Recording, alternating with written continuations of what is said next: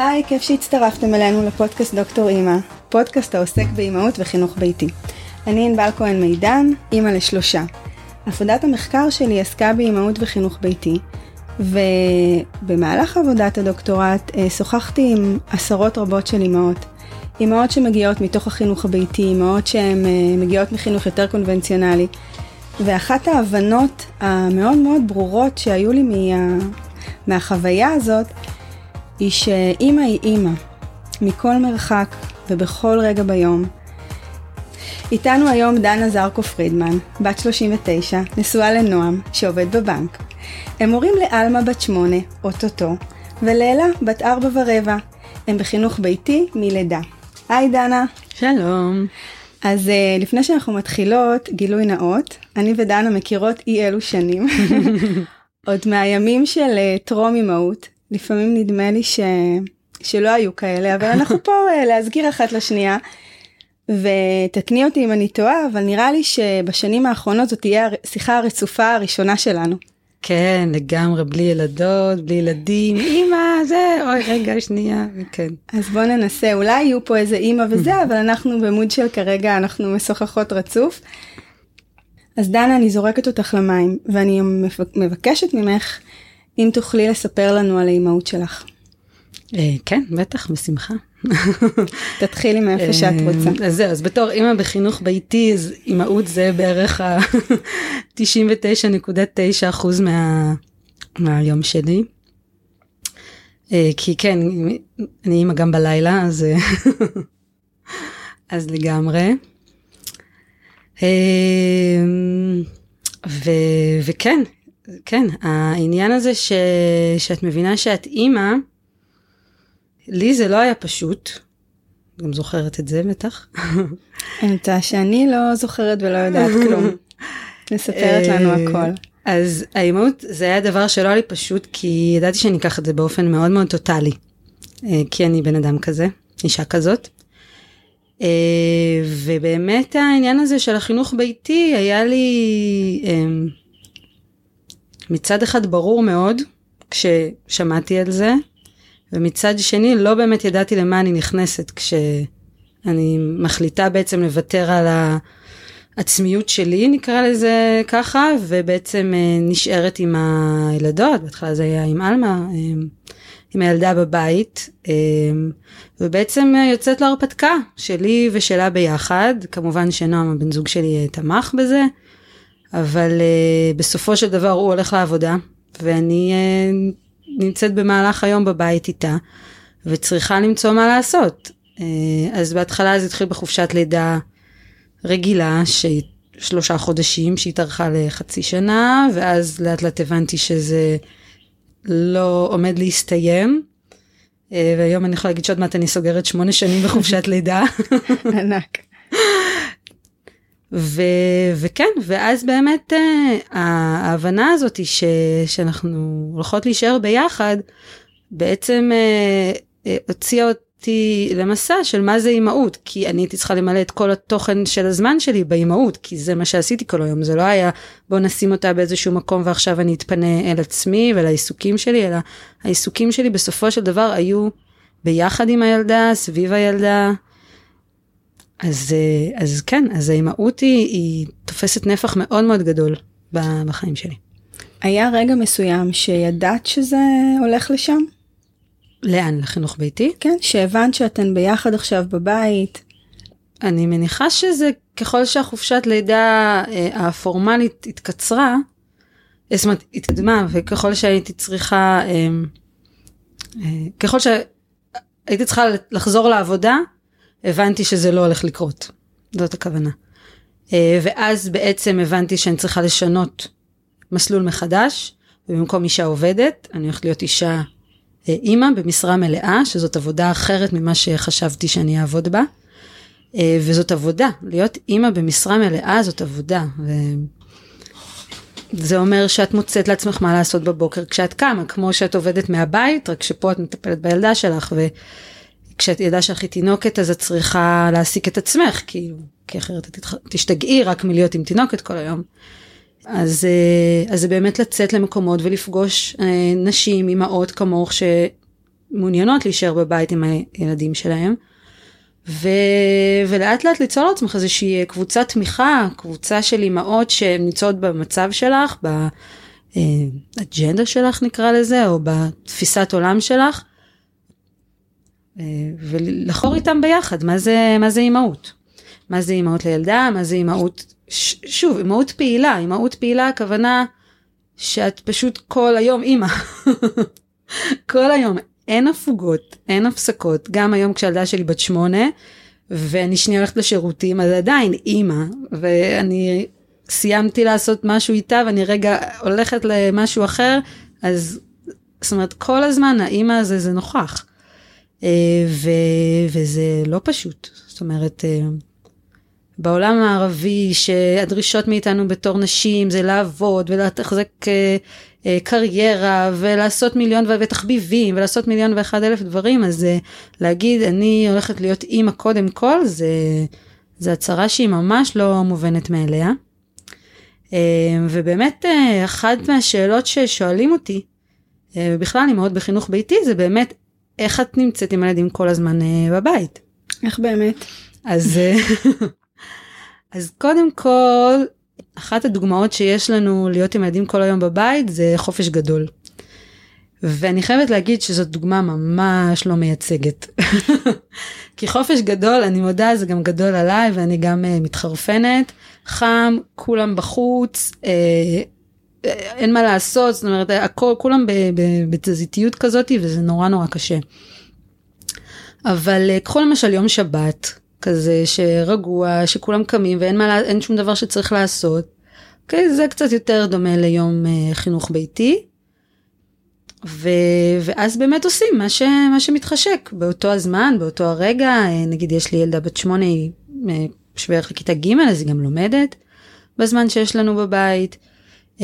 יש לנו זמן לשחק, לדבר, להכין ביחד אוכל, כל הדברים האלה שעושים כשנגיד אם לוקחים את הילדים רגע ליום חופש כזה קטן מהגן או מהבית ספר, אז, אז זה כזה, ש, שאין לחץ. אה, זה דבר אחד. ודבר שני, יש גם שגרה בחינוך ביתי, זאת אומרת, אנחנו לא רק בסטלבט כל היום, כן? אה, באמת ככל שהילדות גדלות, אז, אה, אז הצרכים שלהם גדלים, גם הצרכים החברתיים שלהם. וגם אה, בכל זאת, צריך לעשות משהו, אז או שיש קבוצות של חינוך ביתי שנפגשים איתם עם ילדים בגיל, בגילאים שלהם, גדולים יותר, קטנים יותר, הרבה פעמים בחינוך ביתי זה רב גילאי. אז נפגשים ומפגש כזה יכול לקחת כמה שעות, כי נגיד זה מפגש בגן שעשועים, ובדרך כלל הגן שעשועים לטוב, זאת אומרת הוא נמצא לרשותנו, אף אחד לא תופס לנו את הנדנדה, או יש רעש, אז אפשר פשוט לעשות שם מה שרוצים וכמה שרוצים. ויש גם חוגים ממש, חוגים פורמליים, ששוב, ככל שהגיל עולה, אז באמת זה נהיה יותר רלוונטי. זאת אומרת, הבת שלי עכשיו בת ארבע, אז יש לה חוג תיאטרון, ויש לה חוג קפוארה, ו... זאת אומרת, מה שנותנים לילדים בגן, כל ההעשרה שילדים מקבלים, אז גם ילדים בחינוך ביתי מקבלים. אם זה בבוקר, בחוגים שהאימהות, ההורים בחינוך ביתי מארגנים, או אחרי הצהריים. אז זהו, אז בעצם יש המון פעילות בחינוך ביתי, אנחנו לא, לא מתחרפנים בבית. אמ, אבל אני רוצה רגע לחזור לאימהות, למה שאמרנו. ובאמת, אה, אחת השאלות ששואלים אותנו, אה, אותי כאימא ונשים אה, בחינוך ביתי, זה איך אתן שגדלתם בדרך כלל אצל אימהות שעבדו התרבות לימדה אתכם שאתם חייבות ללמוד ולעשות קריירה ולהיות עצמאיות ולא להיות תלויות כלכלית בבן זוג שלכם, איך אתם פתאום מרשות לעצמכם ככה למרוד בהכל וכאילו לחזור אחורנית לימי אנו באנו כזה ולהישאר עם הילדים בבית. זאת אומרת בביטוח לאומי אני מוכרת כ...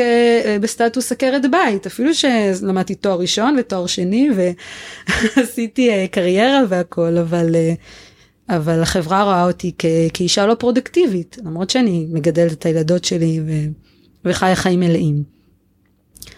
אה, אז התשובה ש- ש- שאני נותנת זה שבאמת ה- התחושה שלי היא אפילו, היא, ממש, אני לא יכול מרגישה שאני חוזרת אחורה, אלא אפילו קצת מחתרתית, אה, חתרנית כזאתי, ש- שיש פה נשים שלוקחות את החיים שלהם בידיים שלהם, ולא סתם את החיים, של, את החיים שלהן, אלא את החיים של הילדים שלהן. והן uh, יודעות מה טוב ל, לילדים שלהן. הן קשובות לילדים שלהן, רוצות להיות עם הילדים שלהן. אנחנו, אנחנו המון חושבות והמון מדברות אחת עם השנייה, זאת אומרת מבחינתי להיות אימא בחינוך ביתי זאת לגמרי עבודה. זאת אומרת הרבה פעמים אני צוחקת אה, עם אה, נועם, הבן זוג שלי, שבחודש אה, יולי או אוגוסט אני מתלבטת אם לשלוח שוב קורות חיים לעבודה הזאת ולמה אני עושה את זה שוב פעם, אבל את צריכה להוכיח את עצמך בתור אימא בחינוך ביתי, זה לא, לא מספיק שאת, אוקיי, אני פשוט בבית והילדים בבית וזהו. את צריכה לדעת מה את עושה שם, את צריכה לראות את הילדים שלך ולדעת שאת נותנת להם אלטרנטיבה איכותית. כי בבית ספר הם אמורים לקבל את כל מה שילדים צריכים, כביכול. אה, או בגן. ואם את בוחרת לא לעשות את זה, אז זה אומר שאת צריכה לתת איזושהי אלטרנטיבה אה, מספיק טובה. כשאת אומרת אלטרנטיבה מספיק טובה, זה משהו שאת עומדת מול עצמך. זה איזה שהם אה, סטנדרטים שאת מחליטה. אם תקני אותי כן. אם אני... כי אלטרנטיבה טובה זה יכול להיות כל דבר, כן? זה יכול להיות, לפעמים האלטרנטיבה הטובה שאני נותנת להן זה שאני נותנת להן שקט. אומרת, זאת יכולה להיות אלטרנטיבה. לגמרי. אמ, זה שאני לא לוחצת עליהם לעשות דברים, זה שהם כמותי קיצה טבעית, אז מבחינתי זאת אלטרנטיבה אה, יותר טובה. לא כולם, אבל יחשבו ככה וזה בסדר. היה איזה משפט שאמרת שבסוף את צריכה לעמוד מול זה שאת אה, אימא במשרה מלאה. עם כל מה שמתלווה ל... למעמד הזה. אה, אז אני שוב שואלת קצת אחרת, היה איזה רגע שהייתה בך איזושהי הבנה או הכרה שאת אימא במשרה מלאה, שזה המקום כרגע? אה, כן, בטח, כל אוגוסט ההכרה הזאת נופלת עליי מחדש. השנה הנוכחית זה היה לפני אוגוסט, זה היה אפילו במאי, שממש כבר הרגשתי שאני מותשת.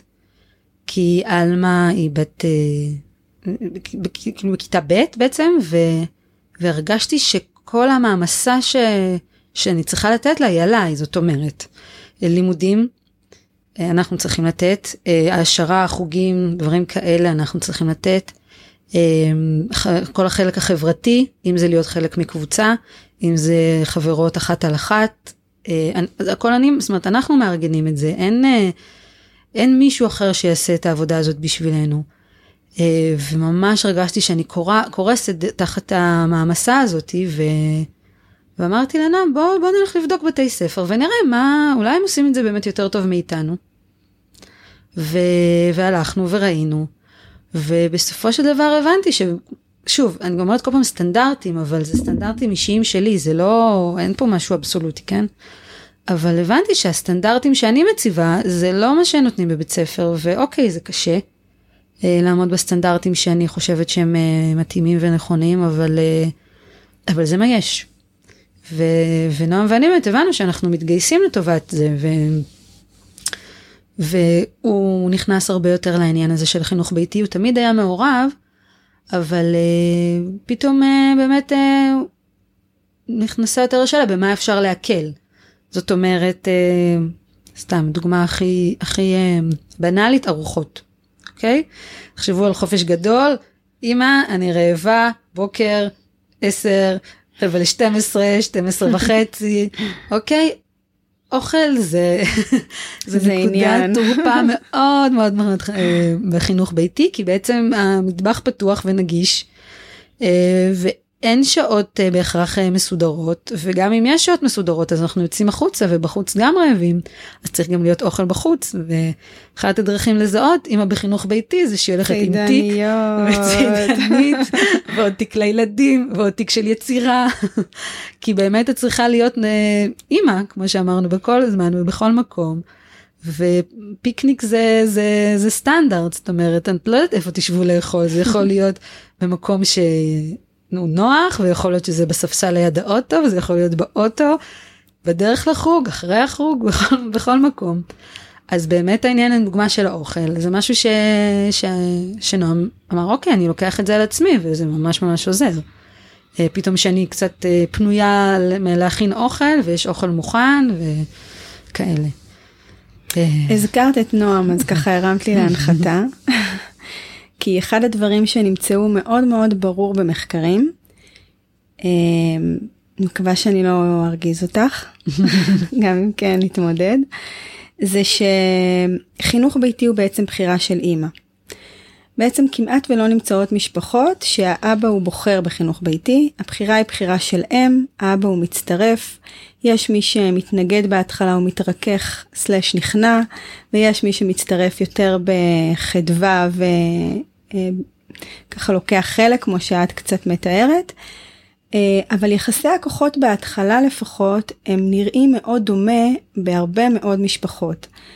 אה, זה מצטרף למשהו אחר שננסה כן לגעת בו אחר כך, זה בעצם מאיזה מקום האם בוחרת או מתגלגלת לתוך חינוך ביתי.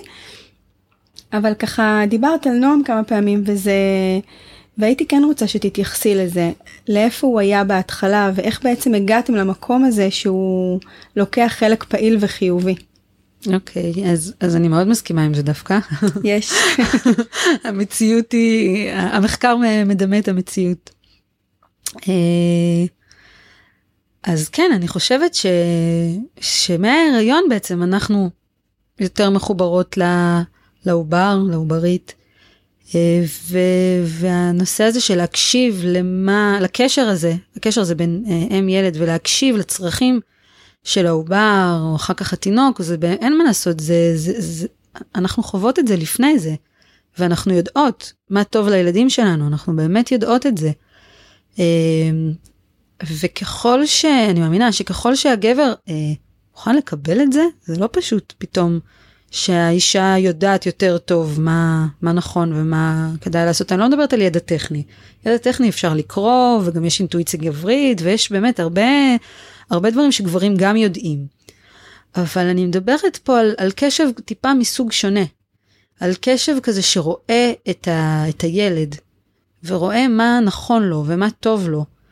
אמ, שזה משהו שאני לא חושבת שמישהו מבחוץ יכול אמ, לדעת אותו. זה כמו שאמא הולכת לרופא ואומרת, אני יודעת שהילד שלי מרגיש לא טוב, ואף אחד לא מבין מה היא רוצה, והיא הולכת מרופא לרופא לרופא לרופא, עד שבסוף היא תמצא מה, אה, כאילו, תשובה לתחושה שלה, אז, אז על כזה אני מדברת. אה, ואני חושבת שחינוך ביתי נוגע בסוג הקשבה והידיעה הזאתי. אה, וגברים הם יכולים להצטרף לזה אם הם רוצים, אם זה משהו שמתאים להם, אם זה משהו שנוח להם, זה לא פשוט, זה לא פשוט כי אה, יש לחץ חיצוני מאוד מאוד מאוד חזק. אה, אני רואה את זה גם אצלנו, אה, אני רואה את זה גם במשפחות אה, אחרות, שבסופו של דבר הגבר יוצא החוצה לעולם הרגיל. ושם מצפים ממנו שהילדים ילכו לגן ולבית ספר ושהחיים יהיו נורמטיביים. ומה הבעיה שלכם לשלוח את הילדים לגן או לבית ספר, ומה לא בסדר, ומה לא טוב, ו... והם צריכים לענות להמון המון uh, תשובות במקומות שאולי בכלל הם לא, לא היו רוצים לענות עליהם. Uh, או שאולי אפילו הם לא מספרים שילדים לא בבית ספר בגן כדי שהם לא יצטרכו להתמודד עם זה, וזה באמת מאוד uh, שם אותם במצב מאוד לא נוח.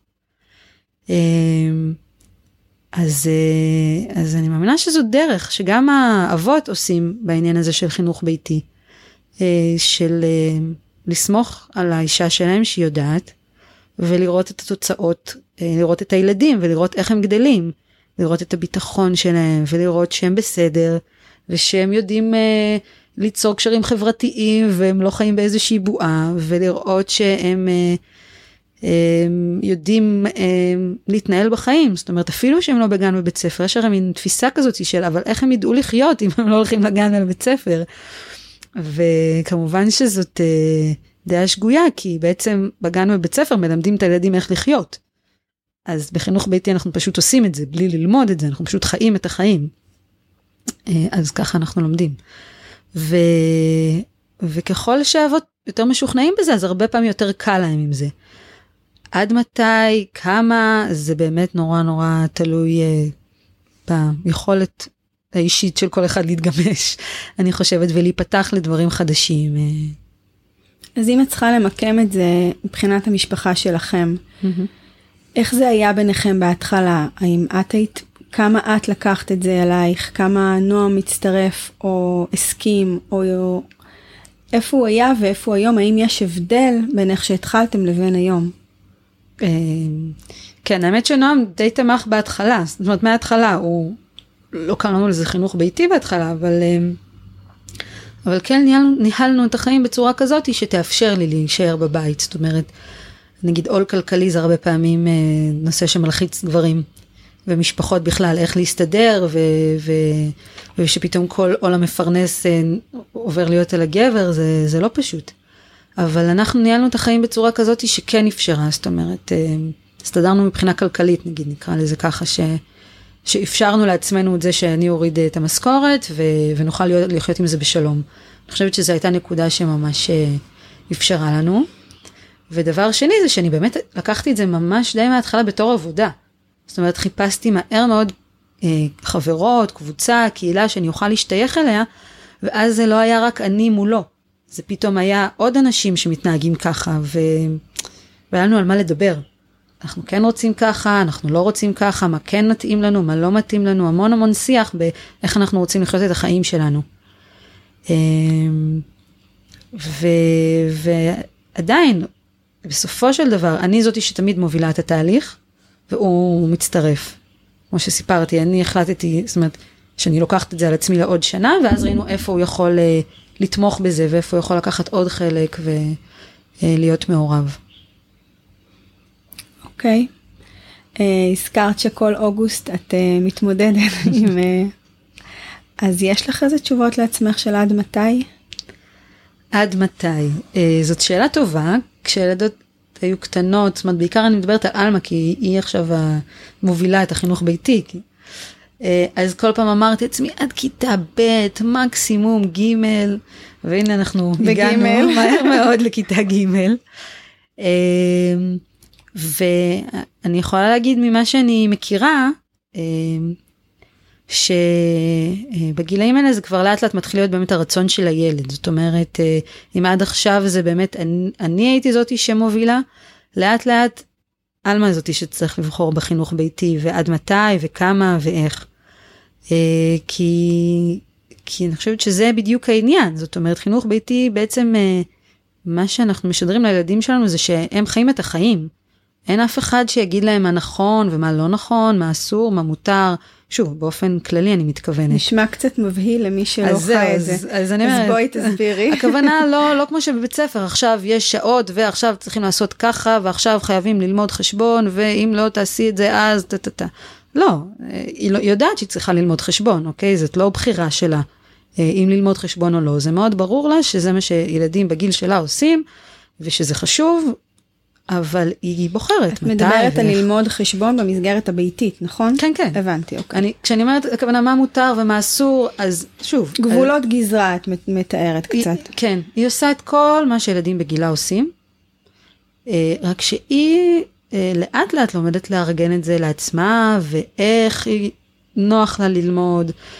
אה, אז, אז בגלל זה אני אומרת שגם החינוך הביתי, היא יודעת שיש עוד אלטרנטיבות, יש בית ספר רגיל ויש בית ספר אה, דמוקרטי ויש בית ספר אה, אנתרופוסופי ויש סאדברי ויש לה הרבה חברות שלומדות אה, בבתי ספר כאלה או שנכנסות, כל ספטמבר זה מין טוטו לוטו כזה, מי נשאר ומי נכנס למערכת, אוקיי, זה מאוד מדובר, זה מאוד ידוע. אבל באיזשהו שלב זה ברור שזאת תהיה בחירה שלה והיא תצטרך... לדעת למה היא נשארת בחינוך ביתי. היא צריך לבחור בחינוך ביתי. כן. איפה היא עכשיו, מבחינת הרצון שלה והשיח מול זה? אה, לא, עלמה יודעת מאוד שהיא רוצה להיות בחינוך ביתי, okay. דווקא אלה, בת ארבע, הודיעה לי לפני, אה, באוגוסט, אפרופו, שהיא הולכת לגן. אה, היא כבר גדולה, אז היא הולכת לגן, זו הייתה מין תחושה כזאת ש... של קפיצת גדילה, ו- וזה נתפס אצלה כהליכה לגן, כי באמת הרבה ילדים שהיא מכירה הולכים לגן בגיל הזה. ו- והייתה שם שיחה מאוד מעניינת על מה זה גן ומה עושים בגן, uh, ו- ואם כן או לא. Uh, היא מאוד התעקשה אגב ללכת לגן. אם כן או לא, לא אקטואלי אם כן או לא, נכון? או שכן? זה אה, אקטואלי? הסיכום כרגע היה שאנחנו נותנות לחינוך ביתי אה, שנה הזדמנות, ושנה הבאה תמיד אפשר ללכת לגן. זאת, אומרת, זאת אופציה? מבחינתי. אני מאמינה, תראי, אני, אני מאמינה שהחינוך ביתי ינצח, זה לא... הבנתי.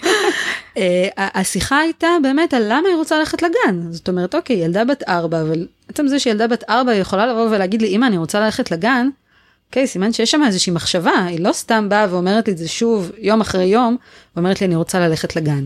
אפשר לנסות לראות באמת איזה צורך עומד מאחורי האמירה הזאת. בדיוק, זאת אומרת, בתור בחינוך ביתי אני מצפה ומחכה שהילדות שלי יבואו ויביעו את הרצון שלהם, זה כל העבודה שלי, שהם יגידו מה הם רוצות, ואז אני אוכל לדבר איתם על זה ולשאול אותה, אלה חמודה, מה את רוצה לעשות בגן? ואז התשובה שלה, אני רוצה שיהיו לי חברות חדשות, שכמובן יש לה מלא חברות, אבל היא רוצה חדשות, כאלה מהניילונים שהיא לא מכירה. והסיבה השנייה, כי אני רוצה להיות בלי אימא. שאותי זה מאוד עצבן באותו רגע, אבל הבלגתי מאוד רוצה, יפה. היא רוצה נפרדות קצת. היא רוצה נפרדות, והיא רוצה להיות בלי אחותה הגדולה, שמאז שהיא נולדה היא איתה כמעט כל הזמן, ואני ממש יכלתי להזדהות עם הצורך הזה ולהבין אותו. עכשיו, שוב, בגישה ש, שאני דוגלת בה, אין כזה דבר שחור או לבן, כן? זה לא עכשיו אני אסכים לה, או עכשיו אני אוותר לה, או מי, מי, שת, מי תכופף את היד אה, אני או היא. ממש לא, אלא באמת לראות איך אני עונה על הצורך הזה שלה. היא רוצה חברות חדשות, אז מצוין, אז אנחנו הולכות לחוגים חדשים ופוגשות חברות חדשות, והיא חוזרת בעננים כי יש לה חברה חדשה, אוקיי? והיא מאוד נהנית ומאוד מרוצה ומרגישה כאילו היא בגן. וגם בחוגים, אוקיי, אז אני מבקשת ממנה מאוד יפה אם אני יכולה לשבת איתה בשיעור הראשון, ואז בשיעור השני אני גם שואלת אותה אם אפשר, אז היא מודיעה לי שחלק מהשיעור אני יכולה, אבל באיזשהו שלב היא תסלק אותי, והיא אכן עושה את זה. ו... ואוקיי, אז בסדר, אז זה נהדר להיות בלי אמא, אני בעד. ככה דיברת כמה פעמים על החלק החברתי, אז אני רוצה כן להגיד ש... שאחד הדברים שמטרידים אנשים אה, גם בתוך החינוך הביתי וגם באמת זו שאלה שעולה הרבה מהאנשים שמתעניינים בחינוך ביתי, זה מה עם חברים. שאלה הזאת יש לה כמה הסתעפויות ואחד הדברים שכן מעניינים אותי שנשוחח עליהם זה באמת אותה ידיעה שגם את נגעת בה בהקשר לעלמה זה שככל שהילד גדל הצרכים החברתיים שלו באופן טבעי עולים. אה, זה כמובן תלוי גם אה, אישיות וטמפרמנט וצרכים חברתיים משתנים בין כל ילד, אבל בגדול אפשר לייצר איזושהי פירמידה ש... שאם אני מסתכלת על החינוך הביתי, יש איזשהו יחס הפוך, כי הצרכים החברתיים של הילדים עולים. הם צריכים כבר יותר חברים, ואפילו עלמה מתקרבת לגיל של קצת חבורות. אה, או שהיא כבר שם. כבר שם. אוקיי, אז אנחנו שם. ואז באמת, האם יש לחינוך הביתי איזושהי תשובה, או לך כאימא, איזושהי תשובה לצורך החברתי, כי, כי שוב, זה משהו לדוגמה שהמערכת מספקת באופן אה, שגרתי, ובוא נגיד בכמויות.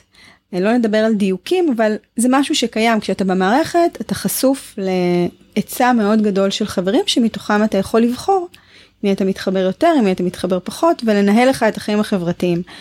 אז מכיוון שזה גם כן עלה ממך כמה פעמים הייתי רוצה שתתייחסי לזה. בטח, זה נושא, באמת אחד הנושאים הכי חשובים אני חושבת ב... כשאנחנו מדברים על חינוך ביתי, ואני חושבת שזה גם חלק מהחששות באמת של הורים שרוצים להוציא את הילדים שלהם ממערכת, ואומרים, אבל איפה ימצאו חברים? אז okay? איפה? אה, הייתה אצלנו מפקחת והיא שאלה את עלמה, אז איך את מוצאת חברים אם לא בבית ספר? זאת אומרת, איפה, איפה יש עוד ילדים אם לא בבית ספר? זה נכון שרובם אז... בבית הספר. נכון, אבל הם גם יוצאים משם, יש שעות שמרשים להם לצאת משם, והם חיים, זה חיים שלהם. אמ, באופן חופשי אה, בתחומי העניין שלהם שנקראים חוגים אה, ו, ויש ילדים אה, המון המון ילדים שאפשר לפגוש אותם בהמון המון צורות ומסגרות. אז אני אענה רגע קודם כל ספציפית על מה שאת שואלת ואחר כך אני גם אגע בזה למה למה זה חשוב בעיניי החינוך ביתי כשאנחנו מדברים על חברים. זאת אומרת, איפה החינוך ביתי באמת נותן את המענה הזה. אז, אז באמת חברים, אז אני כל מיני ספציפית לגבי עלמה ואלה, אז חברים באמת הם, הם, הם אה, פוג... חברות הם בעיקר. הן פוגשות במפגשים של חינוך ביתי. יש הרבה מאוד משפחות של חינוך ביתי, יש קהילות בהרבה מאוד אזורים. ויש אה, מפגשים אה, מאורגנים יותר, מאורגנים פחות, אבל אה, נפגשים. אני מדברת על קבוצה של משהו כמו 20 ילדים בערך בממוצע, זה רב גילאי, אבל אבל משהו כזה, נגיד בקבוצת הגיל של עלמה, שזה באמת כבר, כמו שקראת לזה, בראש הפירמידה, אז נגיד יש עשרה ילדים, משהו כזה, אבל כשאני מדברת על עשרה ילדים, זה ילדים שהיא מכירה אותם כבר הרבה שנים. זאת אומרת, תחשבי על ילדי גן שהולכים ביחד ועולים גם בבית ספר ביחד. בעניין הזה היא ברת מזל, אז, שזאת המציאות שלכם. כן, אז, אז שוב, זאת העבודה של אימא בחינוך ביתי. כי באמת העבודה שלי כל פעם למצוא לה את החברות, את החברות הטובות שלה, אוקיי, ושכל הזמן תהיה לה קבוצה, זה לא ככה. אמ, כי, כי באמת יש לנו מזל, ממש לא, זה באמת העבודה אה, ליצור את הקשרים ולהגיע למקומות, אוקיי? חינוך ביתי מחייב רכב, זה אולי לא ברור מאליו, אבל זה לגמרי מחייב רכב. אה, כי... אני רק רוצה לעצור ולהגיד שבאמת הרבה פעמים שאומרים חינוך ביתי יש איזו תמונה שאימהות בחינוך ביתי נמצאות בבית. אני יכולה להגיד שהרבה אימהות מאוד מתגעגעות לבית והרבה ימים בשבוע. כן. ואתה יוצא בבוקר ו... כן, זה עבודה, זה באמת עבודה במשרה מלאה, כי את יוצאת בבוקר, אז אוקיי, לא בשבע וחצי או שמונה, כי יש פקקים, ולמה לעמוד בפקקים, אבל אפשר בעשר, אחת עשרה לצאת ולהגיע הביתה, בארבע, חמש, זה יום מלא. כן, קטעתי אותה, זה פשוט אה, נורא הסתדר לי פה. כן. אה, אבל זה גם קשור לחברים, כי, כי היום שלנו בסופו של דבר מורכב ממפגשים חברתיים, של הילדות הכוונה. אה, והאימהות מארגנות אה, מפגשים חברתיים, מארגנות חוגים, מארגנות סדנאות. אוקיי? זה אני מדברת רק על הבקרים. אה, חוץ מזה יש גם מפגשים אחד על אחד, שאת, כמו כל אחד, כל ילדה שקובעת עם חברה. אז אצלנו יש את הזמן הזה בבוקר, יש המון זמן אה, למשחק עם חברה, זאת אומרת זה לא אחרי צהריים, עכשיו אנחנו ניפגש לשעה, שעתיים, אחרי שכבר אה, עברנו יום שלם אה, ואנחנו עייפות ו... מרוטות, אלא זה אפשר להיפגש עם חברה ב-11 בבוקר ולעשות איתה מלא מלא דברים. זאת אומרת, יש שם אה, יחסים בין אישיים מאוד מאוד מורכבים שיכולים להיווצר, כי אנחנו פה המון שעות ואנחנו אוכלות ביחד ואנחנו עושות דברים ביחד ואנחנו משתעממות ביחד. אנחנו מספיקות לריב ולהשלים וללכת לטיול ומלא דברים אפשר לעשות ב... ביום רגיל של חינוך ביתי. אה, אז מערכות היחסים הם באמת הרבה יותר עמוק, הקשרים הם הרבה יותר עמוקים. אני מאוד אינטואיטיבית אז אני רגע שוב מפריעה לכם משהו שנזכרתי. אחת האימהות ששוחחתי איתה אה, אמרה לי ש... שאחד הקשיים שנוצרו לה בחינוך ביתי זה שאם היא רוצה להפגיש את הילדה שלה עם חברה זה בדרך כלל לארח משפחה. והיא אמרה אתה יודע מתי זה מגיע, אתה לא יודע מתי זה הולך. זאת אומרת, היא תיארה איזושהי מורכבות כל כך אנושית בזה שלפעמים היא קצת עייפה מלארח או גם להתארח, היא אמרה הרבה פעמים אני מגיעה עם, עם עוד ילדים איתי בשביל לייצר חברה לילדה, ואני גם בעצמי מרגישה קצת תיק, אבל יש פה איזושהי מערכת יחסים הדדית אבל היא תיארה את זה באופן ככה קצת משעשע ורציתי לראות אם את uh, באיזשהו אופן מזדהה עם זה. לגמרי אז אז כן שוב אני כל פעם אחזור אחזור לזה שחינוך אימא בחינוך ביתי זה משרה מלאה ואת עובדת. אין כזה דבר שאת מביאה את הילדה שלך למקום. ו, ובזה מפזרת אותה. בדיוק את לא מפזרת ילדים אין כזה דבר. עכשיו אני רגע חשוב לי ממש להתעכב על זה כי זה יכול אה, זה חרב פיות כזאתי. הרעיון הוא לא שאני יושבת לילדה שלי על הווריד אוקיי? והילדה שלי הולכת, הילדות שלי הולכות לחברות, והולכות לחברות לבד, והולכות לישון אצל חברות, אוקיי? אני מאוד אה, בעד עצמאות שלהן, ולשחרר, ושהם, אה, יהיו להם את העניינים שלהם. בסדר? אוקיי, אז ו... זה הסטיגמה של את לא משחררת, אה, בדיוק. נשים אותה רגע בצד. אז, אז, אז חשוב לי להגיד שזה ממש לא בא מהמקום הזה, אוקיי? העבודה של אימא בחינוך ביתי היא, היא להיות שמה בשביל הילדה שלי. זאת אומרת, לתווך כשצריך, לעזור לילדות למצוא אם משעמם להם, לעזור להם לצאת מזה, אוקיי? כל הדברים שעם כל הכבוד לכל מערכת הכי טובה שתהיה, אוקיי? אין שם אחד על אחד, זאת אומרת אין הורה על ילד או על שתי ילדות ואין מישהו שיכול לפתור להם כרגע את הבעיה, יש מיליון ריבים, אתה דיברת על חבורות, אוקיי? הם כבר ילדות הן בחברות, הן מגיעות לגן שעשועים, כל אחת עם התיק שלה, תיק בית ספר כמובן, כן? עם התיק שלה, עם כל החפצים שהן uh, אוספות להם בפנים וכל העניינים שלהן. ואז מתחיל, אני כן חברה שלך, אני לא חברה שלך, אם אתם עושות מה שאני רוצה, אז כן ולא, וכל הדברים שלילדים בדרך כלל בהפסקה יש 20 דקות זמן ל- ל- לנהל אותם, או נגיד אם יש שיעור חופשי, נגיד, או בית ספר פתוח, אז יש שעה או שעתיים. פה זה הדבר, זאת אומרת אנחנו נפגשות בשביל עכשיו ללמוד איך אנחנו שלוש בנות שכל אחת רוצה להגיד את מה שיש לה כי כל אחת היא בחינוך ביתי ויש לה רצונות משלה. אינדיבידואליסטית. אוקיי, איך אנחנו עכשיו מנהלות את המערכת יחסים הזאת. אוקיי ולא צריך שלוש אמהות על ילדות בנות שמונה כן אבל מספיק אמא אחת שיושבת בטלפון לצורך העניין אני ומשחקת כאילו היא לא נמצאת באמת ולא נוכחת אבל מדי פעם יכולה רגע להראות שיש לכם פה את הדרך לפתור את, את מה שקורה כאן ו, וזה מדהים זאת אומרת העניין הזה של להיות נוכחת ולהצליח לתווך לילדה שלך מצבים רגשיים, סיטואציות חברתיות, אה, למצוא פתרונות שהם כרגע בתוך המצב, הן לא יכולות לראות את זה, הן לא יכולות לדעת את זה, לראות מה, מה הפתרון. אה, ופתאום מישהו מהצד בא ואומר משהו קטן, שוב, לא בקטע של להתערב, אלא באמת, כמו לחשן כזה שעוזר לך, זה הקטע, זה העניין של החינוך ביתי בעיניי. והקטע זה שבאמת, את מגיעה לפעמים לבית, דיברת על זה, אז אני מאוד מכירה את זה, כי, כי שוב, את יוצאת מהבית וחוזרת בבוקר סלש צהריים, וחוזרת אחר הצהריים סלש ערב, כן? תלוי מתי אבא עובד, עד מתי הוא עובד, כן? כי כשיש אבא בבית אז אין, לא צריך חברים, אפשר לחזור. אבל uh, כל עוד אין אבא בבית. ואז את באמת מפזרת אותן. כן. אז, uh, אז בעצם כשאת בבית, אז את uh, נמצאת uh, עם ילדה אחת או שתיים, אה, ואימא, ובעצם תקועה להם בבית, או שהן תקועות לך, ואז אה, זה יכול להיות לא נעים ומביך, וגם מצד שני, יש לנו זמן לעבוד, אוקיי? ישיבת צוות. אימא בחינוך ביתי, אני אימא בחינוך ביתי, הילדות שלנו חברות, יש לנו פה אינטרס משותף אה, מאוד מובהק. זה כשיש כימיה וטובה בין כל הצדדים. את חייבת לעשות את זה. כן, אפרופו עבודה ודיוקים. כן. כן, זה בדיוק כמו שאת עובדת ובמקום עבודה ולא, את לא אוהבת את כל uh, מי שעובדים איתך, אבל את צריכה לעבוד איתם כי זה מה יש. Uh, אז תמצאי איתם נושאים משותפים, ופה זה טובת הילדה שלי, אז בכלל אין פה עניין, וגם בדרך כלל האימהות שאני נמצאת איתם, אז זה אימהות שכן יש בינינו בוודאות דברים משותפים.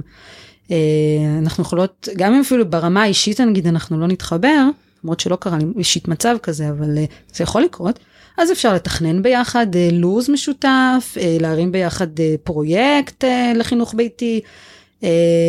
כל הקטע זה שבחינוך ביתי זה שאת עובדת על, על דף נקי, זאת אומרת מה שאת לא תעשי לא, לא יהיה. אז אם את רוצה לילדה שלך לארגן איזשהו חוג או יש לה איזשהו תחום עניין שמעניין אותה, אז אם את לא תארגני לך את זה ולא תמצאי לך אנשים מסביבך שירצו לעזור לך או להגיע לחוג הזה, אז לא יהיה. אז מבחינתך כל אימא היא קולגה לעבודה. אז uh, כשאת מסתכלת על זה בצורה הזאת אז זה קצת יותר נחמד אני חושבת. למרות שאני מבינה לגמרי על מה את מדברת אבל לגמרי אני שומעת אותך ואני שואלת עצמי מאיפה יש לך את הכוח. איך את לא באמת זה נשמע מאוד הרמוני הרבה פעמים וזה נשמע טוב וזה נשמע מדויק וזה נשמע כמעט כל אימא לדעתי שתשמע את זה תגיד וואו הלוואי ויכולתי לאפשר את זה. ואני לא יודעת, יש איזה, ש... מאיפה הכוח, מאיפה האנרגיה, מאיפה הידיעה שזה הדבר הנכון, מאיפה? אה, כן, זאת שאלה טובה. א', זה אולי עכשיו נשמע שזה ברור לי, אבל לאורך אה, הדרך יש המון המון משברים ונפילות וקשיים. זאת אומרת, אה, אנחנו מדברות עכשיו בספטמבר, אוקיי? אנחנו עוד לא באמת התחלנו את השנה האינטנסיבית. אבל אנחנו אחרי אוגוסט, שאוגוסט הוא חודש כמו שפתחת ואמרת, גדול על כולם. כן, נכון. אבל uh, יש לנו חוגים ממש כיפים השנה. דנוש, מאיפה הכוח? מאיפה? מאיפה האנרגיה? מאיפה המנוע? אז, אז ברצינות, הרעיון הוא באמת לעשות כיף. את לא יכולה לעשות את זה אם את לא מחפשת בכוח את הכיף. שלך? שלי בתוך זה בטח. אנחנו, באמת, באמת אני אומרת, יש חוגים כיפים. זאת אומרת, אוקיי, אז אני צריכה לקום בבוקר, לארגן את הילדות. אה, לנסוע 20-25 דקות לכיוון כדי להגיע לחוג של 45 דקות, לאכול שם, אה, להיות שם באמת עם אמהות, להיות כולי בתוך העניין הזה, לחזור, להגיע הביתה, לאכול צהריים, להספיק ללמוד, להספיק לעשות דברים, ואז אחרי צהריים עוד חוג. אבל, אבל זה חייב להיות כיף, אם זה לא יהיה כיף אז שום דבר לא יזיז אותי. מה כן? תתארי לי. החוגים, החוגים שלהם והפעילויות שלהם הם כיפים. כיף להן. כיף להן, וגם אני חושבת שזה כיף לי, זאת אומרת, אה, כיף לי שהן עושות דברים שכיפים להם. אני באמת אה, אוהבת את, ה, את הקהילה של החינוך הביתי. שוב, זה כמו, אני חושבת שאם הילדות שלי היו בגן או בבית ספר, אז uh, הייתי, הייתי מוצאת את ההורים שכיף לי להיות איתם, ומשם הייתי uh, מתחברת ונהנית, כי בוא נגיד ככה, אין לי זמן ללכת לשבת בבית קפה עם חברה, אין כזה דבר. כבר שמונה שנים. פה ושם, כן, אבל, uh, אבל אין לי את הזמן הזה. Uh, פעילות לעצמי uh, אפשר אפשר זה יש הרבה הרבה נשים ש, שעושות לעצמם פעילויות חוגים שלהן יש הרבה נשים שעובדות תוך כדי חינוך ביתי ועושות את הדברים שהן אוהבות. אני גם עושה את הדברים שאני אוהבת תוך כדי. וגם אני הולכת לישון ממש מוקדם. שזה מעולה. אני אני למדתי עם הזמן זה מצחיק אבל כן זאת אומרת יודעים אחרי שמונה אין מה לחפש אותי כן זה לא בגלל הילדות אני פשוט ישנה. אבל אה, למדתי שאם אני רוצה שיהיה לי כוח לקום בבוקר אז אין כזה דבר עכשיו אה, להיות עוד זמן בפייסבוק או לצפות בעוד סדרה זה לא זה לא ייתן לי שם את הכוח לי באופן אישי יכול להיות שיש אה, נשים שזה קצת מאוורר אותם ונותן להם את הספייס הזה. אבל אבל לי השינה ממש ממש עוזרת. וגם שוב, אין לי על הראש אף אחד שיגיד לי מה לעשות. בעיניי זה חופש אדיר, אני באמת עושה את מה שאני רוצה, כאילו מהמקום הזה זה, זה, סוג של חופש, כאילו לא יודעת, כל הזמן צוחקים עליי שאני בפנסיה. כי אני עם הילדות שלי, שזה משהו שאני אוהבת לעשות, ואני, אה, וזה לא קל, אני לא אומרת לרגע שזה קל, זה מאוד מאוד מאתגר, אוקיי? אבל... Uh, אבל מצאתי את הקבוצת תמיכה ואת האימהות ואנחנו מדברות וכל קושי שעולה אז אנחנו באמת אה, משתפות אחת את השנייה כי מן הסתם הקשיים הם לא אה, אישיים שלנו. ו, ובסופו של דבר אנחנו מוצאות לכל דבר פתרון. כי, כי זאת הדרך חיים שבחרנו זה כמו לא יודעת כמו מישהי אה, דתייה אז אין זאת אומרת יש המון המון דברים שצריך לעשות ולהכין לקראת שבת אני בחיים לא הייתי מסוגלת אבל. מבחינתה זה בכלל לא שאלה, זאת אומרת שבת מגיעה אז אה, נעשה את הכל וזה יקרה ושבת תהיה נהדרת, זה גם ברור, אז מבחינתי זה, זה החינוך הביתי, זה השבת שלי. הקבלה מדהימה בעיניי, ממש, זה ממש נותן אה, יכולת עוד איזה, לפרום עוד איזשהו קשר של הבנה את החינוך הביתי, באמת להקביל את זה לדת. אה, יש עוד דברים שאת אוהבת לעשות חוץ מלהיות אימא? כן, יש מלא דברים. יש, יש לי עולם תוכן משלי אה, לגמרי, אה, ואני אה, מרגישה שאני מאוד מאוד מתפתחת בו. אני רוצה באמת להגיד על זה, באמת על ההתפתחות האישית, כי הרבה פעמים נשים אה, מפחדות, וגם אני, בהתחלה, זאת אומרת, אם היו שואלים אותי, דנה בת העשרה או בת העשרים, כשהייתי בשיא התואר הראשון שלי במנהל עסקים וזה, מה אני ארצה לעשות כש... איך אני רואה את עצמי לקראת גיל 40 ואם הייתי אומרת לעצמי שאני אהיה אימא וזהו אני הייתי לא יודעת מה הייתי עושה. עושה הכל כדי שזה לא יקרה כי יש מין תפיסה כזאת שאם את אה, אימא במשרה מלאה אז זהו אז את, את מוחקת את כל שאר החלקים שלך ו... וזה ממש אה, שוב דעה שגויה כי להיות אימא כל כך מעשיר את שאר החלקים שבי. דיברנו על זה על היכולת הקשבה ועל היכולת אינטואיציה והיכולת לזהות את הצרכים. אוקיי אז אני יודעת לזהות את הצרכים של הילדות שלי אבל באותה מידה אני גם חייבת לזהות את הצרכים שלי כי. כי אני, אני זאתי שמתפעלת את זה. אז אני חייבת לדעת מה טוב לי ומה עושה מה נעים לי ומתי אני צריכה את ההפסקה שלי ומתי אני לא יכולה יותר. ושוב זה לא שהכל מושלם כן? אני מתפרקת חדשות לבקרים ו, ו, ומתעצבנת וצועקת וכמו כמו כל אימא אבל אבל אני לומדת מזה כאילו הרעיון הוא זה שאת פשוט כל הזמן בהקשבה פנימית לעצמך ובהתפתחות אה, אינסופית כי כי את עם עצמך כל היום אף אחד את לא בורחת לאיזה ישיבה בדיוק אף אחד לא לא מסיח את דעתך בדברים אחרים. אה, ואת כל הזמן עסוקה אז אם את לא עסוקה בילדות אז עסוקה בלשטוף כלים להכין אוכל לתלות כביסה זה הזמן הכי טוב למחשבות ולהיות עם עצמך. לגמרי. אז אה, אז את, אז את בעצם כל הזמן מתפתחת וכל הזמן מוצאת מה עושה לך טוב את פשוט עושה את זה כי גם כי אין לך ברירה זה כאילו נשמע קצת אה, קיצוני, אבל, אה, אבל אני אוהבת את המקום הזה שאני יודעת שאם אני לא הולך לישון מוקדם, אז אני מחר הולכת, אה, אני אוכל אותה מחר. כאילו, ממש ואז... מזהה שזה צורך שהוא מאוד מאוד חשוב אצלך ואת דואגת למלא אותו. כן, שינה. כן, כן. שינה, אה, אוכל, אוכל טעים, אוקיי? לא לחטוף כזה אה, חטיפים או שטויות וזה, לא, אני צריכה שהגוף שלי יעבוד טוב, אני לא יכולה, הייתה פעם, אה, יש לי חברה שאמרה לי פעם, אני לא יכולה להיות חולה. נכון, כן, נכון. זה לא שאני עכשיו אהיה... כן, אין, אין לך את הפריבילגיה להיות חולה כי, כי את לא יכולה להיות בבית ולהיות חולה. ילדים יכולים להיות חולים, הם בבית גם ככה, אבל uh, את לא יכולה להיות חולה. אין, אה, אין באמת מי שיחליף אותך, כן. אז את צריכה לדאוג לעצמך, ואת צריכה לדאוג לשמחת החיים שלך, ואת צריכה לדאוג לזוגיות שלך, אה, שתספק אותך. זוגיות זה, זה, זה קטע, אני לא, לא אפתח את זה כאן, אבל זוגיות, זוגיות בחינוך ביתי היא אתגר לא פשוט, כי... כי זה לא כזה קל אה, לבן זוג שלך להיות אה, second best או אפילו פחות כי את כל הזמן עסוקה בילדים וזאת העבודה שלך אז אם אישה רגילה עסוקה בלתת מענה לילדים אז אז כשזאת העבודה שלך אז אחת כמה וכמה ו... ולמשל אצלנו באמת הפתרון שנמצא זה שהוא הוא אה, הולך איתנו לזה. זאת אומרת הייתה לי שיחה איתו, הייתה לנו שיחה כזאת לפני אה, כמה חודשים. שבאמת היה מין משבר כזה שאני הרגשתי שזה יותר מדי אה, גדול עליי. ואמרתי לו, תקשיב, זה, זה החיים שלי כרגע, להיות עם הילדות. ואני צריכה שאתה תחליט. אם אתה נרתם לזה, אז אני צריכה אותך שם איתי במאה אחוז על זה. ואם לא, אז אני צריכה לדעת גם את זה.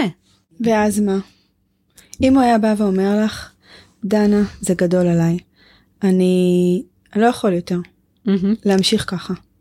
אה, אני לא יודעת. מה היה קורה? אני לא יודעת מה היה קורה. אה, למזלי זה לא קרה. כן.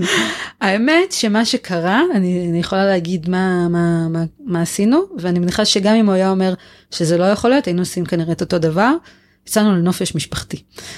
וואו, זה נורא אה, כיף. כמה ימים באילת, וזה בא ממנו, הוא אמר בוא, בוא נעשה נופש רגע ונראה מה, מה קורה עם המשפחה שלנו, בואי, את צריכה חופש מעבודה, אני רואה שזה גדול עלייך.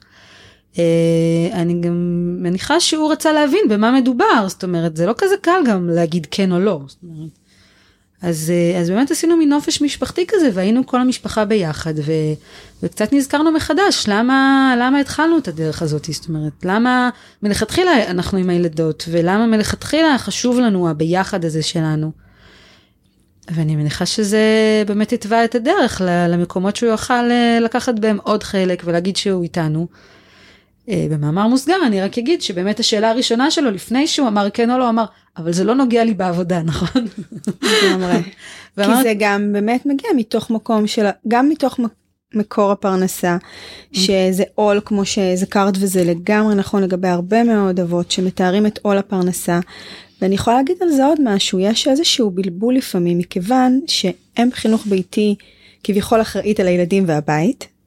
האב יוצא לעבודה אבל אז לי לקח המון שנים אה, להבין, את הנק... להבין את זה ולהגיד את זה, את הנקודה הזאת שכשאנחנו נפגשים בערב, אתה חזרת מהעבודה שלך, אני חזרתי מהעבודה שלי, ועכשיו הבית והילדים הם שלנו. זה לא שאני ממשיכה עם הילדים עכשיו עד סוף היום וחוזר חלילה, כי אנחנו עכשיו משפחה. חושבת שפה בנקודה הזאת מבחינת המעורבות של, ה, של האבא בחינוך הביתי זו באמת נקודה שהיא נורא מבלבלת, ואנחנו עוד לא ניכנס למורכבות הדיאדית שיש לאימא והילדים והאבא שמנסה לפלס דרכו בתוך כל הדבר לגמרי. הזה, כי אם אני עוברת איתם, את בטח מכירה mm-hmm. את אם האימא עוברת עם הילדים שלה יום שלם, חיים שלמים של חוויות, עניינים, ואבא פתאום נכנס, לא משנה מה הוא יעשה, זה יהיה צורם. לגמרי. זה יהיה צורם לך, זה יהיה צורם לילדות, הוא לא עבר את כל התהליך, הוא פתאום מגיע לאיזושהי תמונה וזה נורא קשה. זה מאוד מאוד קשה, אני יכולה ככה גם בקצרה להגיד על זה שנועם יודע שהוא מחנה את האוטו ואז לוקח כמה דקות כדי לסיים את היום שלו ולהצטרף ליום שלנו. התחושה היא שהבית שלנו הוא סוג של מקדש כזה שקרו בו המון המון דברים וכשאתה נכנס אז אתה לא נכנס לבית מקדש פותח את הדלת ואומר טוב נו מה קורה? וזה למה? בלה בלה בלה. כל הבלגן פה כל הזה כל הזה. לא ממש לא. אתה נכנס בשקט ואתה מנסה להבין מה, מה הלך הרוח כאן ומה קורה ואם עבר, יכול להיות שעבר לנו יום מצוין ויכול להיות שעבר לנו יום קטסטרופה אה, והיו ריבים וצעקות ובכי וזאת לקחה לי וזאת עשתה לי ואני בכלל אה, כאילו כבר מתחרפנת מזה ורק תבוא ותיקח אותם אה, ממני ותן לי קצת את הזמן שלי לנשום. תבין מה, מה הצרכים פה של הבית זה משהו שהוא ממש ממש חשוב. וגם להבין, זאת אומרת, זה, כמו שאת אומרת, גם אני למדתי להבין את זה, שהוא מגיע מ, מעולם אחר. הוא, הוא ממש כאילו מגיע מחו"ל כזה. מאיזשהו עולם של מבוגרים שיש שם סדרי עבודה ונהלים ואיך עובדים ולמה לא מתקתקים לא אנחנו פה עם ילדות הם באמצע המשחק שלהם עכשיו נכון שצריך לאכול ולהתקלח ולארגן את כל הבית ולסדר אבל הכניסה המופתעת בשבע וחצי מה הם עוד לא מקולחים? לא היו פה חיים שלמים לפני שהגעת. כן כן ממש ויכול להיות שהוא מגיע ובכלל עוד יש חברים. וואו זה האמת זה. אה, מהר מאוד היה אצלנו חוק מאוד מאוד ברור שזה יהיה מסונכרן. אז, אז כן אבל לפעמים אה, לא אני רוצה שתראה מי החברים ואני רוצה שתרגיש שיו. את הבלגן שקורה כאן לפני שאתה מגיע כי כי אתה צריך להיות מודע למה שקורה וגם אם אתה תופס את הראש ואומר מה עושים כאן? זה לגיטימי. אה, כי הצרכים שלו הם חלק מהצרכים שלנו. זה, אני בטוחה שזה מוכר לכל אימא אה, שהייתה בחופשת לידה אה, קצרה או ארוכה ככל שתהיה, השלב הזה שהבן זוג מגיע ורק תיקח את היד ממני, תן לי להתקלח. יש את התמונה הזאת שמחכים עם התינוק בדלת ואת מוסרת אותו כלאחר כבוד. כן.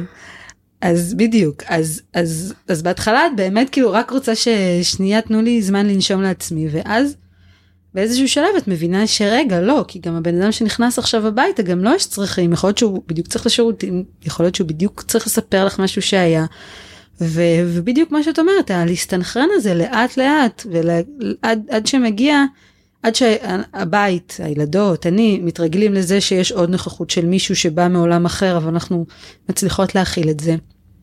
וגם הוא לומד להבין איפה אנחנו ואיפה הוא נהיה חלק מזה זה חשוב. אה, כי כמו שאת אומרת אנחנו משפחה וחלק מהעניין של חינוך ביתי בעיניי לא יודעת אם זה בהכרח אבל זה לבחור בזה שאנחנו משפחה. אה, ואנחנו מתנהלים כמשפחה.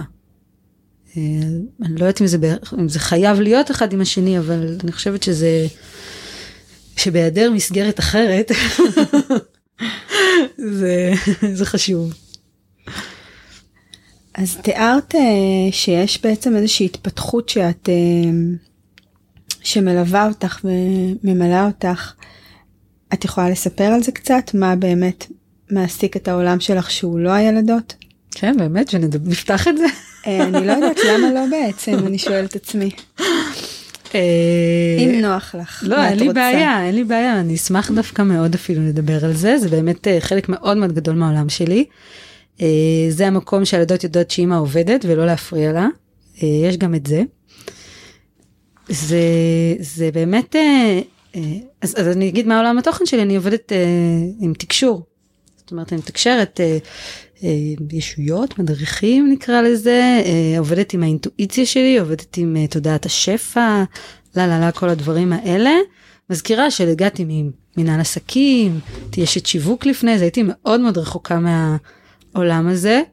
אבל באמת עם הפתיחה הזאת של האימהות והלידה ו... ולהיות בבית עם הילדה בתור תינוקת כל היום, אז הגיע העולם הזה, או כמו שאחותי אה, אמרה לי, אם את לא מדברת עם אף אחד כל היום, אז מה הפלא שהתחלת לדבר עם ישויות? האמת שזה נשמע לי הגיוני. מאוד הגיוני. אמ, ואז באמת התחלתי ללמוד את זה בצורה ככה יותר אה, אה, רצינית, כל עולם הרוחניות נגיד נקרא לזה. אה, ואז זה, זה עולם בפני עצמו, זאת אומרת העולם הרוחני הוא עולם בפני עצמו ופגשתי מלא מלא חברות חדשות ככה אמיתיות כן במציאות אני כן. מתכוונת. עכשיו אנחנו צריכים כל הזמן לשים לא, על הקרקע או כן. שאנחנו משאירות איפשהו באוויר. אבל פגשתי המון המון חברות ושיחות של מבוגרים בתכנים שמעניינים אותי וזה כיף וזה ממלא וזה אני עפה על זה ב- ב- בכל מובן אפשרי, וגם אה, גם האימהות שאני נפגשת איתן, אז בסופו של דבר תמיד זה מגיע לנושא הזה, כי או שאני פשוט מתקשרת להם ואז זה, זה נורא כיף ואז אנחנו מדברות על זה. אוקיי, עצרי. איך זה כן. נראה, איך- איך זה מרגיש? מה קורה שם? בת- ב- ב- בעולם כן, התקשור? בעולם התקשור, תכניסי אה, אותנו ל... באמת? כן, אוקיי. בחיי, משהו, כאילו, את לא, לא יודעת, ציפיתי שזה, שזה יהיה חלק, אבל אני שמחה. מה שמעניין אותי הוא יכול להיות חלק. אוקיי, מעולה. לא, אני, אני, היום, כיום, היום, ב, ב, נגיד שמונה שנים אני גם בזה, אז זה כבר חלק מהשיחה, זאת אומרת, אני לא באמת יכולה להבדיל מה ממה שאני אומרת כרגע זה תקשור ומה, ומה זה, אה, מה אני אומרת. אה, אני מדברת מה, מהניסיון שלי, אבל גם אני מניחה שהרבה דברים אה, מכוונים. אה, יש לי פשוט אינטואיציה מאוד מאוד חזקה, בואו נגדיר את זה בצורה איך זה הברורה מתבטא? של אנשים זה. שואלים אותך שאלות, מתייעצים איתך, מבקשים ממך תשובות לדברים. כן, אנחנו יכולים לדבר על נושא, פתאום עולה לי איזשהו רעיון שבא לי להגיד למישהו ואז אני אה, אומרת, שואלת אם אפשר להגיד, ואז אני מדברת על הנושא הזה ו-99% זה תמיד בדיוק הנושא שהבן אדם רצה לדבר עליו, או הנקודה שהוא רצה לדבר עליו, או פתאום אני מאירה לו את זה באיזושהי אה, דרך שהוא לא חשב עליה, זה מאוד מאוד עדין, אה, כל עולם התקשור, זה עולם של אהבה. ומהמקום הזה אני מרגישה שהחינוך הביתי הוא מאוד uh, מתחבר לזה כי אני עם הילדות שלי כל היום. זאת אומרת הם, אני חייבת להיות בעולם של אהבה. עם כמה שזה מתסכל uh, להיות כל היום בריצות אחרי אוכל uh, דיברנו על זה נסיעות טה טה טה טה טה של בית. אבל uh, זה מאוד עוזר לי להיות באהבה כלפי זה ובחמלה כלפי עצמי כלפי הילדות להבין אם עכשיו הן רבות אז uh, לתווך ביניהם או לדבר איתן בצורה אוהבת. שוב זה לא כזה אור ואהבה כן אני uh, אנושית כולנו אנושיים uh, וגם ריבים זה דבר טוב בסך הכל כי שוב אנחנו תמיד יכולים להתפתח מזה. Uh, השאלה לאן אנחנו לוקחים את זה. אמרתי לעצמי שאולי אני אדבר על זה קצת אבל יש uh, גישה פסיכולוגית של uh, דוקטור אה, ניופלד. אה, מניחה שחלק מהמאזינים, מאזינות מכירים אותו, אבל זה גישה אה, פסיכולוגית רגילה לגמרי, זאת אומרת קונבנציונלית, שבאמת מדברת על, על הקשב הזה ועל לפעול מתוך אהבה ומתוך צרכים, גם כל הנושא של תקשורת מקרבת, מדבר בדיוק על אותם הדברים האלה. וזה נושאים שהם מאוד מאוד משיקים, כי ככל שאנחנו באמת יותר קשובים לעצמנו ויותר מחוברים לעצמנו, אז אנחנו גם יכולים להבין את הצרכים של אחרים. אז אני מנסה להבדיל, ל- לנסות להבין. אם אני uh, מכירה את ניופלד, קראתי את הספרים, אני מכירה את התיאוריה, גם את מרשל רוזנברג, אני מכירה תקשורת מקרבת, ואני עובדת לפי זה, אני מאמינה בזה, אני מרגישה את זה. האם יש איזשהו הבדל בין היכולת של uh, מי שלומד את זה באופן שאני מתארת, לבין היכולת שאת משתמשת בזה? כן, אני חושבת שתקשור זה, זה יכולת אה, מאוד אה, אה, בסיסית שלנו, זאת אומרת זה אחד מהחושים שלנו. אה, אז, אז אנחנו פשוט רק לומדים לפתח את זה. אה, זה בעצם להקשיב לעצמנו, רק ברמות יותר גבוהות ויותר עדינות. זאת אומרת, ככל שיש לי יותר אה, ביטחון ב, ואמונה במה שעולה בי, אם זה בדמיון שאני פתאום מדמיינת משהו, או פתאום עולה לי איזושהי אינטואיציה, אז אני, ככל שאני מאמינה בזה יותר ומוכנה ללכת עם זה, אז אה, אני ככה לומדת שזה אמיתי. וגם הילדות שלי הם המורות שלי, בסופו של דבר הילדות הם המורות הכי הכי גדולים, גדולים, הילדים שלנו הם המורים הכי גדולים שלנו. ואני כל פעם אומרת, אה, אפרופו חינוך ומערכת החינוך וכל זה, איזה סיבה יש לי ללמוד או ללמד אותם תכנים שמי שמעביר אותם, וחלילה אני לא בא לפגוע באף אחד, אבל מישהו ישן, או שהן מלמדות, את. הן מלמדות אותי את התכנים שהן צריכות. הן מביאות את החדש, זה כמו להשתמש בטלפון אה, דור אה, חדש, או ללכת רגע לדבר ב... בטלפונים ישנים, אין שום היגיון לעשות משהו ישן, אנחנו הולכים לקראת החדש. אה, אני יכולה למשל לתת דוגמה, אוקיי? ממש של איך עובד חינוך ביתי ו...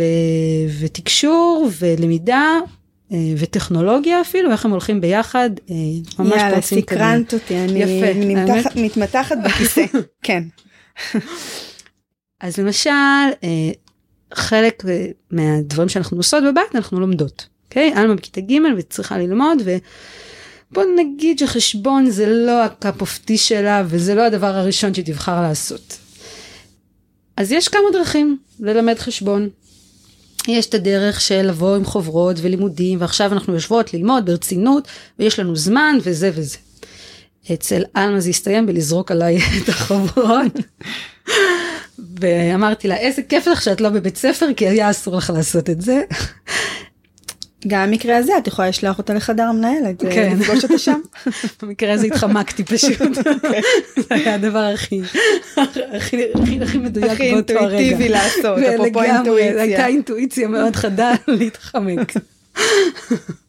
אז הבנו שזאת לא הדרך. אז האופציה השנייה הייתה לנסות באמת כל מיני דרכים אחרות. ובאיזשהו שלב פתחתי את זה עם עצמי ואמרתי אוקיי בואי תני מקום לחדש. אה, ללמד אותך איך, איך, היא, איך היא לומדת חשבון. מי, מי אמר שהדרך שבה אה, אני למדתי חשבון או מלמדים בבית ספר חשבון או הספרים מלמדים חשבון מי אמר שזאת הדרך הנכונה מי, אמר שזאת, מי אמר שזאת הדרך המדויקת. אה, שוב אני לא מחפשת איזושהי אמת אבסולוטית אני מחפשת את מה שמדויק לה את מה שיגרום לה ללמוד חשבון. ישבתי לי על הפייסבוק ופתאום ראיתי איזשהו אה, מישהי שמייצרת כל מיני דברים בפלסטלינה וזה נתן לי השראה פשוט ליצור לה עולם מספרים מפלסטלינה. שזה משהו שממש לא קשור אליי אני לא יצירתית בשום צורה ואני גם ממש לא אימא משקיענית ברמה הזאת שעכשיו אני אשב ו- ואשקיע אה, באביזרים וכאלה לא ממש לא אני טובה בדיבורים. ו... וזהו ואז פשוט אה, הבאנו את הפלסטלינה שהייתה לנו והתחלנו ליצור מזה מספרים והתחלנו פשוט לשחק עם המספרים כאילו הם, אה, הם מי הם ומה הם ומה העולם שלהם ומה הם אוהבים ומה הם לא אוהבים ועשינו יום הולדת למספרים ועכשיו כל המספרים שהסכום שלהם זה 12 יכולים להגיע למסיבה ואיזה צמדים מגיעים וואו. וכל מיני דברים כאלה שאין סיכוי בעולם שהייתי חושבת על זה. כן, וזאת לא אימא משקיענית. לא לא אז אני אומרת זה לא עניין של השקעה זה, זה עניין מדהים. של פשוט להיפתח לצורות חדשות של uh, למידה. אוקיי זה לא משהו שראיתי אותו בשום מקום זה ממש לא משהו שהגיע ממני אני לא ישבתי עכשיו וחשבתי במשך שעות איך אני פשוט הסכמתי לידע חדש להגיע אליי. אה, אני בדרך כלל אוהבת לעבוד עם דברים פשוטים אוקיי אני ממש לא אוהבת להסתבך אני גם לא לא יכולה אין לי את הזמן הזה עכשיו לבוא ולהתחיל להכין לילדות שלי עזרים אין לי זמן לזה. זאת אומרת בלילה אני הולכת לישון אז אין לי זמן לזה. אז אז באמת הדברים הפשוטים והאינטואיטיביים זה זה מה שעובד אני לא יכולה להגיד שעכשיו היא אה, חובבת חשבון מושבת אבל אבל זה פתאום נתן לנו איזשהו שיח. הצלחת על- להגיע כן, אליה דרך בדיוק. זה. בדיוק כן. כן. ועדיין אנחנו יודעות עם ספרים כל הזמן אני רק מחזירה אותנו לזה עם ספרים אה, של, של בית ספר ושוב אנחנו משחקות עם זה כמו הפלסטלינה אז גם הספרים אז מה אז אז מה בא לך עכשיו ללמוד כאן. זה אומר וכאלה. שאם אה, עכשיו היא בנושא מסוים אז אין איזושהי מחויבות לעבור מעמוד 10 לעמוד 12 רצוף אלא באמת לבדוק מה נכון למה מתאים למה יותר מתחברת. כן. זאת הגמישות שאת מדברת עליה. בדיוק כן נגיד באמת להשתמש בספרים בצורה גמישה. בדיוק נגיד אם את רוצה עכשיו מסר אז המסר פה של הפלסטלינה זה גמישות. אוקיי אפשר לקחת את החומר והוא חומר קשה ואת יודעת יכול אפשר לעבוד איתו בנוקשות. עם קצת חום. ו- בדיוק והקשבה ויצירתיות ובאמת אה, לראות מה מה החומר הזה יכול להוביל אותנו אז אפשר באמת ליצור את האינסוף אפשרויות האלה. וואו זה נשמע איזה כיף. יש לך איזה ספר כזה גדול שפתוח בפנייך ויש לך איזושהי נגישות אליו. אה, אה, שוב לכולנו יש את זה. אה, צריך רק לרצות ל- ל- לקרוא בו ממש ללמוד את זה ברמה הבסיסית או האינטואיטיבית כי יש כאלה שיש להם את זה ברמה האינטואיטיבית. ובעיקר ושוב זה גם חינוך ביתי זה בדיוק אותו דבר לסמוך על עצמנו. פשוט לסמוך על עצמנו ולהאמין שאנחנו יודעים מה טוב בשבילנו ו, וברגע שאנחנו על זה אנחנו מוכנים לקפוץ למים ולהקשיב לעצמנו ולסמוך על עצמנו וללכת בדרך אה, הנכונה לנו זה פשוט לוקח אותנו למקומות שאפילו לא היינו מדמיינים ש, שנגיע לשם. זה נשמע לי כמו משפט מדהים אה, גם ל- לתלות אותו וגם לסיים איתו. אה, אני אשאל אותך אם יש עוד משהו שהיית רוצה להגיד. אה, שהיה לי מאוד כיף ומאוד מעניין גם לשמוע את עצמי. לא. ביום יום אין לי זמן להקשיב לעצמי על, על הדברים שאני עושה. וגם אה, חשוב לי ממש לתת קרדיט לכל האימהות בחינוך ביתי שזה לא ברור מאליו הדרך שאנחנו עושות, וזה לא ברור מאליו הבחירה הזאתי, וזה באמת לקום כל בוקר מחדש ולבחור בזה. כל בוקר מחדש. אני זוכרת כל כך הרבה בקרים שבדרך למפגש יש גן ובית ספר ואמרתי לעצמי יואו את יכולה את יכולה. זה בסך הכל לעצור את האוטו ולהוריד אותם שם זה ממש קל ואת צריכה לבחור להמשיך ישר ו... ו... ובאמת לתת את הקרדיט הזה לעצמנו. וגם חשוב לי להגיד להורים ש... שאומרים וואו זה חלום ואיזה יופי והלוואי אז, אז גם ממש חשוב לי להגיד שחינוך ביתי אה, זה, זה הדבר הפנימי הזה, זאת הדרך הפנימית. ואפשר לעשות חינוך ביתי גם בתוך מסגרת וגם בבית ספר הכי קונבנציונלי שיש עם שיעורים ומבחנים וכל הדברים האלה. אז אנחנו לא מסיימות, אני רוצה שתרחיבי על זה. אוקיי. okay. מה זה אומר לעשות חינוך ביתי שהוא לא קונבנציונלי, משמע הילדים לא קמים בבוקר לבית ספר. מה זה חינוך ביתי מבחינתך, כמו שאת אומרת עכשיו, ש... שהילדים כן נמצאים במסגרת?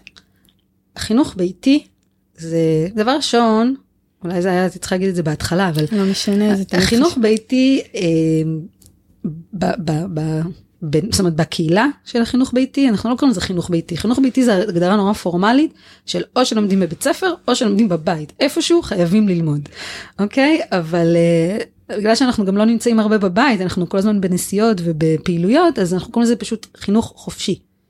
אוקיי והעניין הזה של החופש זה באמת בכל מקום שאני נמצאת בו אני יכולה להיות חופשייה גם אם עכשיו אני צריכה לשבת בכיתה או אני צריכה אני אימא וצריכה לשלוח את הילדים שלי למסגרת שאני מאמינה בה או לא מאמינה בה, או זאת האפשרות שיש לי כרגע, אה, עדיין אני יכולה לתת להם את התחושה שהם חופשיים. עדיין הם יכולים לבחור מה הם רוצים לעשות. אף אחד לא מכריח אותם מה לעשות. אני... אבל אה, דנוש, אני מורידה אותנו רגע לקרקע. ילד שנמצא בבית ספר והולך בשמונה בבוקר וחוזר ב... לא חשוב, 12, אחת הביתה בצהריים, אני יכולה לתת לו את כל תחושת החופש שאני רוצה, אבל בשעות שהוא שם, הוא יחווה מה שמגישים לו שם. היכולת שלי לדעת בדיוק מה קורה שם בניואנסים, היכולת שלי לאפשר לו את החופש. נכון שאני יכולה לשלוח אותו עם ארגז של חופש פנימי, אבל עדיין יש כמה שעות ביום שהוא יחווה משהו אחר.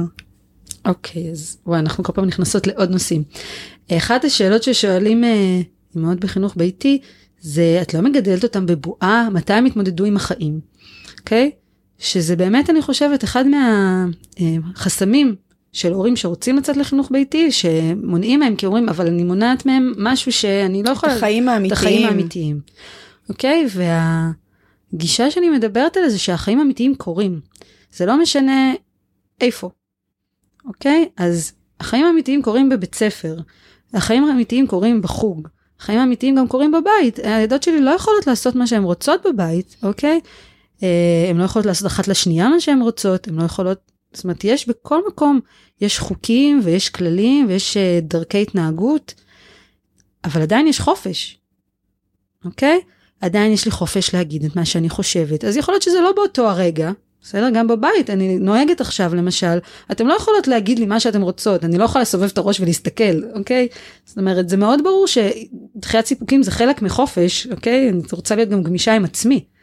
החופש הוא, הוא בכל מסגרת שלא תהיה, אני עדיין נאמנה לעצמי, אני עוד יכולה להגיד אם זה מתאים לי, אני יכולה להגיד אם זה לא מתאים לי, גם אם כרגע מכריחים אותי, אוקיי, איך מכריחים אותי לעשות משהו שאני לא רוצה. אוקיי, אני, תמיד אני יכולה לדבר על זה עם מישהו. אם יש לי, אם, אם ההורה שלי הוא קשוב אליי ואכפת לו ממני, אז הוא תמיד ירצה לתווך ביני ובין מי שגורם לי לעשות משהו שאני לא רוצה. יכול להיות שהוא יגיד לי, אבל חמודה שלי, זה מה שיש, אוקיי? גם אני לפעמים אומרת לילדות שלי, זה מה שיש. אני לא יכולה עכשיו להמציא לכם, לא יודעת מה, ארוחת צהריים שהייתם רוצות. לא, הכנתי, זה מה שיש. אוקיי? זה שמכריחים אותנו, או זה שיש עובדות, אה, זה לא אומר שעכשיו זהו, נגמר לנו החופש. יש לנו מלא אפשרויות אחרות. פשוט אילוצים שהם חלק כן, מהחיים. כן, החיים הם מלאים, מלאי אילוצים. כאילו אנחנו חיים פה בגוף, בחומר, זאת אומרת, יש קיר, אני לא יכולה לעבור אותו, זה, זה נורא נורא חשוב להכיר את זה. אה, זה גם חלק מאוד חשוב מהביטחון שלנו, כי אני רוצה שגם יהיו דברים שהם קבועים, או דברים שאני יודעת שהם ודאיים. Okay, אוקיי? זה חלק מתחושת החופש שלי, של אז איפה אני מוצאת בתוך הוודאות את המקום האישי שלי. בגלל זה אני אומרת שברגע שהורים מוכנים ל... להיות שם בשביל הילדים שלהם ולהיות בהקשבה הזאתי שדיברנו עליה בהתחלה באיזושהי אינטואיציה של אני יודעת מה טוב לילדה שלי ואני אעזור לה לדבר את מה שהיא רוצה להגיד. אם זה למורה ואם זה לחברה ואם זה בינה לבין עצמה אני אעזור לה איך לפתור את הקונפליקט הזה שיש לה עכשיו. אוקיי? אבל אני שמה בשבילה ואז איך אני אסביר את זה? אין באמת מערכת חינוך ואין באמת בית ספר. אוקיי? זה בסך הכל אה, משחק כזה שאנחנו משחקים אז אפשר לקרוא לו בית ספר ואפשר לקרוא לו חינוך ביתי אבל כשאנחנו נמצאים באמת אה, עם הילדים שלנו ובאמת נמצאים שם בשבילם ובאמת בהקשבה לצרכים שלהם אז אנחנו אז אנחנו שם. כן. אז מתוך הידיעה הזאת שבעצם חינוך ביתי באופן שבו את מתארת אותו שהוא מאוד אה, יצירתי והוא גם לי מרגיש אה, מדויק באופן אה, באופן אחר אז עדיין מבחינתך החינוך הביתי הקונקרטי הוא רלוונטי. כן, הוא רלוונטי כי בעיניי הוא מאוד מאוד חתרני, כי הוא בעצם אומר, אה, לא באמת צריך את המשחק הזה של בית ספר. אוקיי, okay. יש משחק, זה לא באמת קיים, אבל את לא צריכה את זה. כן. את לא צריכה להיכנס למגרש הזה. כן, כרגע. זה לא המגרש שלך כרגע. יכול להיות שבאיזשהו שלב, שוב, הבת שלי תבחר אחרת, אבל זה יהיה שאלה. ואז אני אשאל אותה, למה את רוצה לשחק את המשחק הזה? אמ, את חושבת שאת יכולה? איזה כלים את צריכה? מה את צריכה ממני? שאני, איך, איך אני יכולה לתמוך בך במשחק הזה? וזה עדיין יהיה משחק. וואו, לא, דיברנו על הרבה דברים. בוא ננחת בחזרה לקרקע. דנה, בהחלט אפשר להכתיר את השיחה הזאת הרצופה, הכי רצופה וארוכה, שהייתה לנו מזה כמה שנים. מבחינתי כבר כל השאר בונוס. לגמרי. ויש פה בונוס ענק. אני ממש ממש מודה לך שהסכמת להגיע, ואין לי ספק שכל מי שישמע את השיחה ילמד המון. אז תודה, דנה. תודה לך.